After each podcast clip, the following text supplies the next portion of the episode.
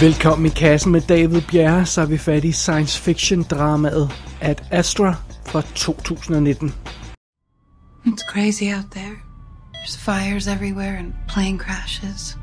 They're calling it the surge. Major, we have some highly classified information. What can you tell us about the Lima project? Its objective was to search for advanced extraterrestrial life. The ship disappeared approximately 16 years into the mission. And the commander was? He was my father, sir.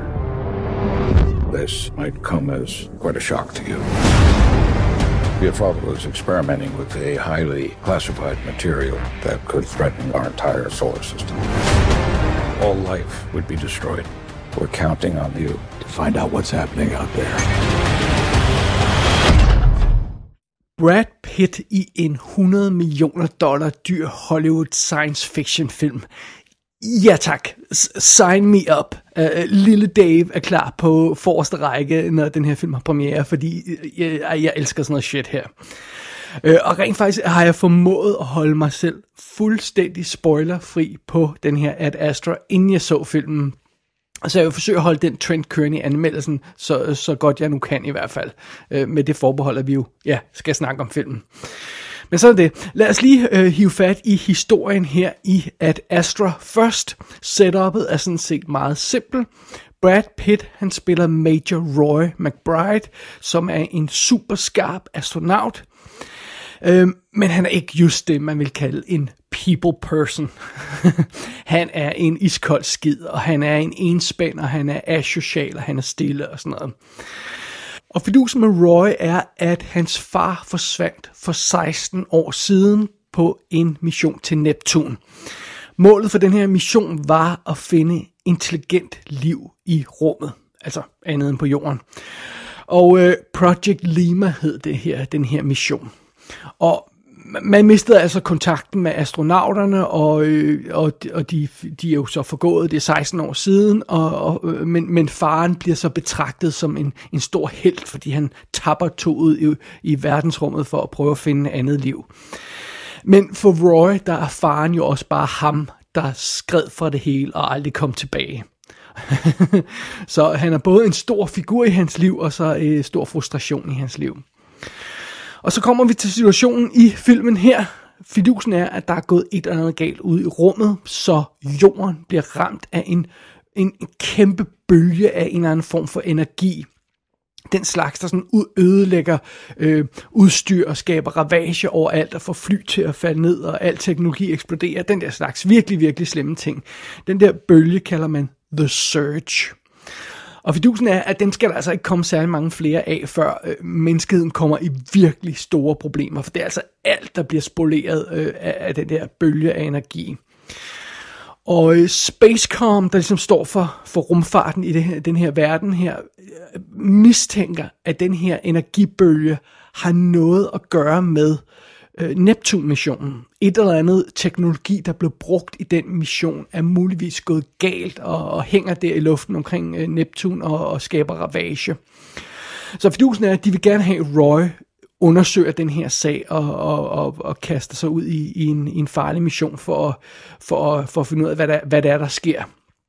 Jeg skal ikke sige så meget her for at undgå mere her for at undgå spoilers og sådan noget, men, men, men jeg vil bare konstatere, at, at øh, naturligvis så bliver Major Roy McBride sendt ud på en meget farlig mission, og, og hele menneskehedens øh, øh, tilstedeværelse er på spil, og det er altså meget farligt, og, og det er ligesom det, som at Astra handler om. Og filmen her er instrueret af James Gray. Det var ham, der lavede The Yards og We Own the Night. Så lavede han også Two Lovers og The Immigrant, som ingen vil så, og The Lost City of Sea, eller Z, som øh, der vist heller ikke var nogen, der så. Så det er det. Nu får han altså lov til at... Og, øh, der, der er formodentlig lidt flere folk, der ser den her film. Uh, ikke mindst takket være Brad Pitt i hovedrollen, som jo altså spiller Major Roy McBride. Og han er jo også hot i øjeblikket i Once Upon a Time in Hollywood. Vi har haft ham i kassen før, både i War Machine, Netflix-filmen og The Big Short. Og ja, han behøver ikke nogen yderligere introduktion. Vi har, vi har jo elsket ham højt meget længe, den kære Brad Pitt. Det er Tom Lee Jones, der spiller Øh, Roy McBrides far, og ham har vi også haft i kassen før i øh, Criminal og The Family, og de sidste par år har han jo også lavet sådan noget Lincoln og, og, og Jason Bourne. Han, han arbejder stadig jævnligt og dukker tit op i sådan små roller i, i større film. Øh, derudover har vi en del kendte navne på rollelisten, men det er ikke alle, der er med i særlig store roller. Ruth Nega spiller en en person, som, ja, man skal sige så lidt om nogle af de her karakterer som muligt, en person, som Brad Pitt støder på undervejs, det er hende, vi kender fra sådan en film som Loving, og så spiller hun også en lille rolle i World War C, som Brad Pitt jo også er med i, som jeg elsker overalt på jorden. Men sådan er det. Derudover dukker øh, Donald Sutherland op i en lille rolle. John Finn, som man vil genkende fra tusind film. John Ortiz. Øh, Liv Tyler spiller Brad Pitts kæreste i filmen, eller kone, ekskone. Øh, men hun er nærmest kun med i sådan små flashbacks og på videoscreens og sådan noget. Og der dukker også andre bizarre folk op, som jeg synes, jeg lige, nogle af dem kunne, kunne, mente, jeg kunne genkende. Andre har nu har jeg, jeg har ikke noget at slå dem alle sammen op. Men bare tag sådan noget som, at Natasha Leon, hun dukker op i sin lille rolle, som er fuldstændig intetsigende. Øh, ja, lidt spøjst. Castingen her skal jeg ikke helt kunne gennemskue, men sådan er det, fordi det er jo også lige meget det hele, fordi det er jo, det er jo Brad Pitt, vi er her for alle sammen. Det, lad, lad os bare indrømme det.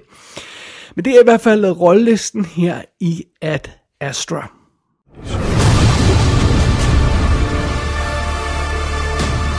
I remain fully committed to the lawful completion of the mission. If necessary, I will destroy the project in its entirety. The Earth put its hopes in him. And now it's fate. It's on me.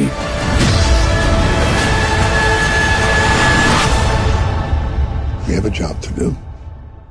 Are you ready? I'm ready. Søgen efter liv i rummet. En farlig mission. Sidste håb for menneskeheden. Alt sammen lyder jo godt. Det er, det er sådan noget, øh, jeg elsker i film jo. Øh, specielt i science fiction film, og jeg siger det hver gang, vi får for lidt science fiction film. Når vi får science fiction film, så er det fedt, hvis de kaster sig over sådan nogle emner der. Øhm, det virkede på mig umiddelbart som om, øh, inden jeg gik ind til filmen, og, øh, og øh, jeg vil lige endnu en gang nævne, at jeg har ikke set sådan rigtig særlig meget for den, men det virkede på mig som om, at Ad Astra ville lægge sig lidt op af sådan interstellar-stilen, sådan en, en klog science fiction film, gennemtænkt science fiction film for quote-unquote voksne. Og jeg elsker jo Interstellar overalt på jorden også, så, så, øhm, så, så, så, så det er jo fint nok. Men jeg vil altså også øh, blankt indrømme, at, at hvis øh, at Astra skulle vise sig at være sådan mere op af Armageddon eller sådan noget, så er jeg også med på den, fordi den elsker jeg også. det, ja, det behøver ikke at være klogt alt sammen. Jeg, jeg er frisk på det hele. Øh, bare vi kommer ud i rummet. Men det bliver dog hurtigt tydeligt, at denne her film, at Astra, ikke har tænkt sig at være hverken en Chris Nolan-film eller en Michael Bay-film.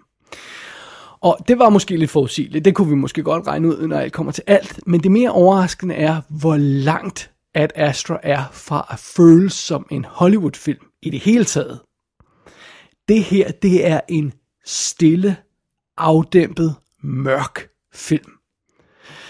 Øh, der løber sådan en rød tråd igennem den her film, og det er en sådan mediterende voice-over agtig stemme fra Brad Pitt.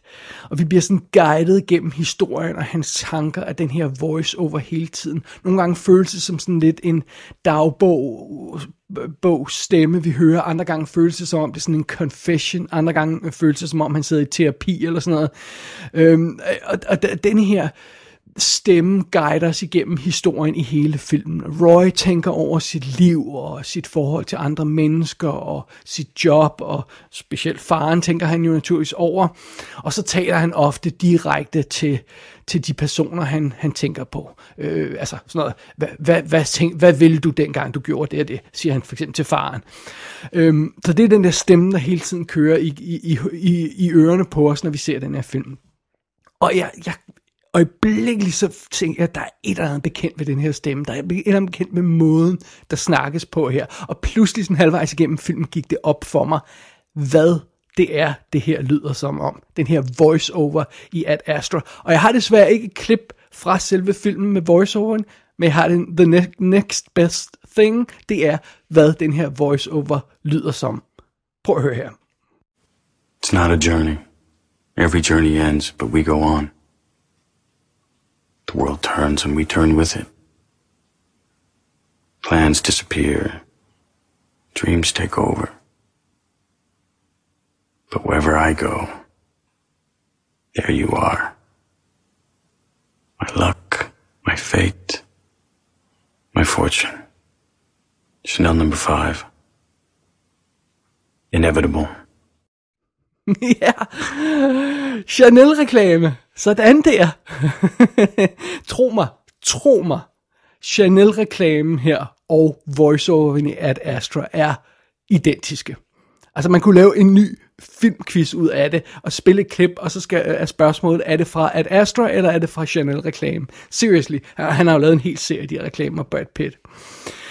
Øhm, egentlig, alt er lige, når jeg lige har grinet færdig her, så passer den her voice-over jo øhm, øhm, meget, meget godt til filmens stil og stemning. Den er det her mere meditative, mere mørke stil og sådan noget. Men jeg, jeg, jeg, jeg understreger, altså der er folk, der vil have den her film udelukkende på grund af den her voiceover. Øh, personligt havde det sådan, at nogle gange, da han øh, ævlede lidt for meget i den her voiceover, så tjekkede jeg bare sådan lidt ud, og, øh, og, og nogle gange kom jeg også bare til at fnise lidt af den og sådan noget, så, så det er ikke fordi, det sådan var et stort problem for mig, men jeg kan godt forstå, hvis der er nogen, der tager helt af på film, bare på grund af den voiceover. Øh, men igen, filmens stil lægger sig meget godt op af den tone, som voiceoveren i at Astra lægger. Altså, det her, det er sådan en, en søgende, drømmeagtig film. Den er sådan, øh, den er ikke det der store spek- spektakulære science fiction brag. Der er sådan mørke, intime, klaustrofobiske scener og visuelt så bliver den her idé også understøttet. Altså der er sådan pulserende lys, der sådan fader ind og ud. Der er øh, skud, der er ude af fokus. Der er sådan glemt fra fortiden, der bliver blandet med nutiden og sådan noget. Nogle gange kører der også sådan lydmontager i, øh, i, i baggrund med sådan forskellige stemmer der, øh, fra, fra, fra Brad Pitts fortid, der blander sig med hans øh, fortællestemme og sådan noget. Øh, hvis jeg skulle prøve at beskrive sådan filmen, hvordan den nogle gange føles, så føles den lidt som det, de, de der få minutter, man ligger på, i, når man ligger i sengen med hoved, hovedet på hovedpuden, og så lige før man falder i søvn. Det er sådan nogle gange den der stemning, der er over den her film. Øh, så det her, det er altså ikke øh, øh, hardcore science fiction action brav. Det er ikke Interstellar. Det er ikke Gravity. Men hvad er det så? Jamen, det er sådan set meget simpelt, og instruktøren har også indrømmet det selv i interviews at Astra er Apocalypse Now. Det her, det er Apocalypse Now in space. Altså, rejsen mod Neptun er, er floden i, i Apocalypse Now. Brad Pitt, han er selvfølgelig uh, Captain Willard, der har fået den her opgave og skal op ad floden og konfrontere sin fortid og sådan noget, alt det her løjse. Og Tom Lee Jones' forsvundne far er så Colonel Walter E. Kurtz. Og der er, der er simpelthen flere scener i Ad Astra, der ligger en til en op af scener fra Apocalypse Now. Jeg vil ovenkøbet gå så langt som til at påstå, at nogle gange, så synes jeg, at musikken i den her film, i den her science fiction film, lød som jungletrummer. Øh, og på et tidspunkt så hører man øh, Brad Pitts voiceover, der, der, der, der, der snakker, som han jo gør i det meste af filmen. Og det er sådan noget med, at han siger, What did he find? Og det han refererer selvfølgelig til faren øh, på det her tidspunkt. Øh, Major McBride øh, snakker om sin far. Øh, What did he find? Did it break him? Or was he already broken? Og ærligt talt, der er nogle af de replikker, som kommer fra den her voiceover, der også lyder som om, de kunne være taget direkte fra, øh, fra Martin Sheens fortællestemme i Apocalypse Now. Og jeg må sige, efter at have set filmen kun én gang, for jeg har jo lige været i biografen og set den, så kan jeg ikke helt beslutte mig til endnu, om jeg synes, det er en god idé. Altså at lave en science fiction film, der lægger sig op af Apocalypse Now. Den skal jeg lige gå og tænke lidt mere over. Den skal jeg lige prøve at, at, at tykke lidt på og se filmen en, en gang eller øh, to til måske. Så, så det, det, vil jeg, det tør jeg ikke helt svare på endnu. En ting er jeg dog sikker på. Jeg bryder mig ikke om science fiction film, der ikke gider at være science fiction film. Øh, og det er noget af det, der generer mig allermest ved 2001 A Space Odyssey. Fordi Øh, Stanley Kubrick er fløjtende ligeglad med udforskningen af rummet og øh, First Contact og bla bla bla. Og det er at Astra også. Det her er en film om en plaget mand, der må konfrontere sit fars spøgelse og hans legacy og alt det her haløjsa og øh, sine egne dæmoner og sådan noget. Og det er det, filmen er interesseret i. Manden, følelserne, det psykologiske aspekt, det er det, den her film vil takle. Der er ingen interesse for søgen efter intelligent liv i rummet. Filmen er reelt fuldstændig ligeglad med resultatet af den mission, som Tom Lee Jones bliver sendt ud på. Og filmen er faktisk også ligeglad med truslen fra den her The Search. Det er ikke sådan noget med, at, at det her handler om, at Brad Pitt skal redde verden. Sådan lidt ligesom Matthew McConaughey skal i Interstellar. Det er ikke den type øh, historie. Altså, det, det her, øh, den der altså, The Search og den her mission for at finde øh, øh, svaret på, hvad der sker der og stoppe det, det er bare en undskyldning for at Brad Pitt han kan rejse ud i rummet og tænke på sin far. Øhm, og, og, og bare for at tage en anden ting, så gør filmen jo et stort nummer ud af det her øh, tidsaspekt. Altså det her med, at vi skal skynde os afsted for at løse det her problem. Vi skal afsted nu, og bla bla bla. Og så skynder vi os at hoppe på rumskib og ræser afsted på en 79 dage lang tur ud i rummet. Så ret hurtigt går ballonen af det her tidsaspekt, og det her deadline-aspekt, det forsvinder sådan også stille og roligt ud af filmen, og har ikke nogen relevans alligevel. Så ærligt talt, hvis jeg skal være en lille smule grov, så kunne kernen i denne her historie lige så godt udspille sig i et køkken i en øh, tilfældig by et eller andet sted på jorden. Jeg kunne forestille mig, at hele filmen kunne foregå i et køkken, hvor Brad Pitt han tad, sad og tænkte på sin far, efter faren lige var blevet begravet. Så går han hjem og sidder sig i køkken, og så tænker han over det, og så kunne hele filmen foregå der. Det er en lille smule sat på spidsen, men det er altså ikke langt fra. Okay, fair nok. at Astra gider ikke at være en science fiction film, men det er jo reelt det, den er alligevel. Så lad os lige takle de dele af filmen også. Allerede lige så får vi faktisk nogle gode science fiction elementer i spil her, fordi altså, vi kommer en tur til månen undervejs, og øh, vi får sådan nogle meget sjove ting i den forbindelse. Der er bygget en kæmpe base på månen, og vi får, får også en fornemmelse af, at det er sådan en turistattraktion nu, øh, og ikke bare sådan en unik turistattraktion. Det er bare sådan, det er bare sådan blevet rutine, så man får det her øh, deprimerende view af, hvordan månen vil se ud, efter den havde mistet sin nyhedsværdi. Og, øh, ovenkøbet undervejs, når vi render rundt på månen, fordi det, det er et stop øh, videre i missionen for Brad Pitts karakter, øh, så bliver der også en biljagt på månen. Og det synes jeg, det kan jeg ikke mindes, jeg har set før. Det er sgu en meget cool ting. Øh, og vi kommer også forbi Mars, og vi kommer forbi øh, andre steder ude i rummet og sådan noget, og det er alt sammen meget cool. Og egentlig så synes jeg også, at den der idé om, om The Search er meget cool. Altså, øh, jeg kommer øjeblikkeligt til at tænke på øh, Beyond the Blue Event Horizon, øh, den her anden bog i øh, øh, øh Gateway-serien af, Frederick Pohl. Og, og, og der er sådan et aspekt, at nu vil jeg ikke ind i for mange detaljer, for ikke at spoil noget om den her film, men der er sådan et aspekt af den roman, der, der fik mig enormt meget til at tænke på den her film. Og det er en cool sci-fi idé, det her med The Search, og hvad forsager det, altså noget der. Øhm, men altså, selvom film har alle de her interessante ting at lege med, så vil den altså bare meget hellere sidde og pille i Brad Pitts navle. Og øh, det, er jo, det er jo altså også sådan, at den her film, den er, den er ligeglad med, med, med videnskab og rumfart og sådan noget, og som konsekvens deraf, så er den propfyldt af fejl. Altså alt sådan noget med for eksempel forsyninger på de her lange rumture, brændstof, øhm, luft og sådan noget, øhm, det skal man ikke bekymre sig om. Altså, bare roligt. Der er ingen i den her film, der kommer til at løbe tør for mad, vand eller strøm. Fordi det er slet ikke relevant. Det skal vi ikke bruge til noget. Lige meget. Der, der er nok af det hele. der, er, der er også nogle, nogle virkelig slemme fejl med hensyn til fysik i den her film. Igen, jeg kan ikke rigtig gå i detaljer på grund af spoilers, men der er altså tit, hvor jeg ser, sidder og, og ser den her film, og så siger, okay, det kan simpelthen ikke lade sig gøre, det der. Det er noget sludder. Altså, hvor Michael Bay henne, det, selv han havde brokket sig over det der.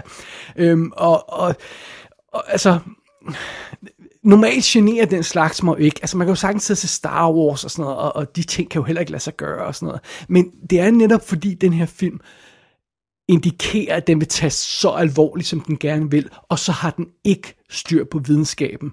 Så, så, så, øh, så for, jeg forventer altså, at en film, der vil tage så alvorligt som den her, har et højere videnskabeligt niveau end, øh, end øh, Michael Bay, og det, det har den ikke. Den har nærmest et, der er lavere.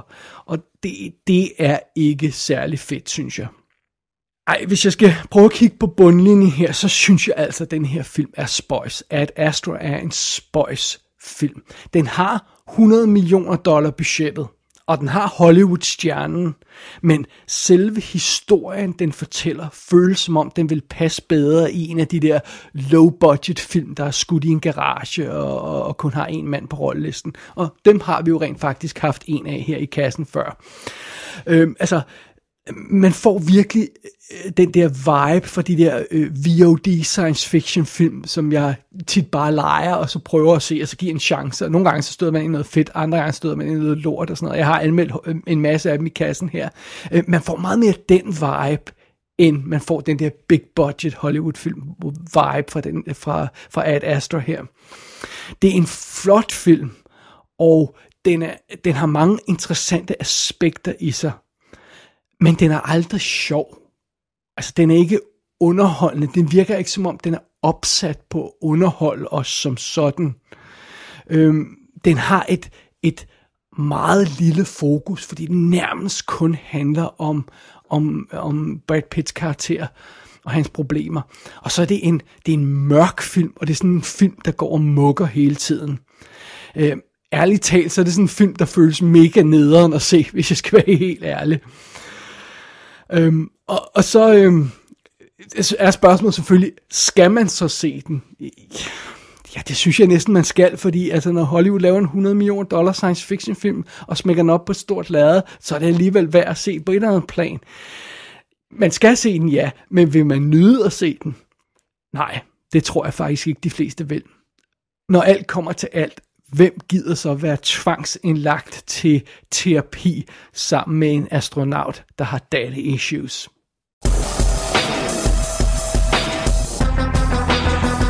At Astra kan ses i de danske biografer i øjeblikket. Jeg så den naturligvis i 2D, så vidt jeg ved er der ingen 3D-udgave i bifferne. Og den kommer naturligvis på DVD, Blu-ray og 4K skive, formodentlig i slutningen af 2019, måske i starten af 2020. Gå ind på ikassenshow.dk for at se billeder fra filmen. Der kan du også abonnere på dette show og sende en besked til undertegnet. Du har lyttet til I Kassen med David Bjerre.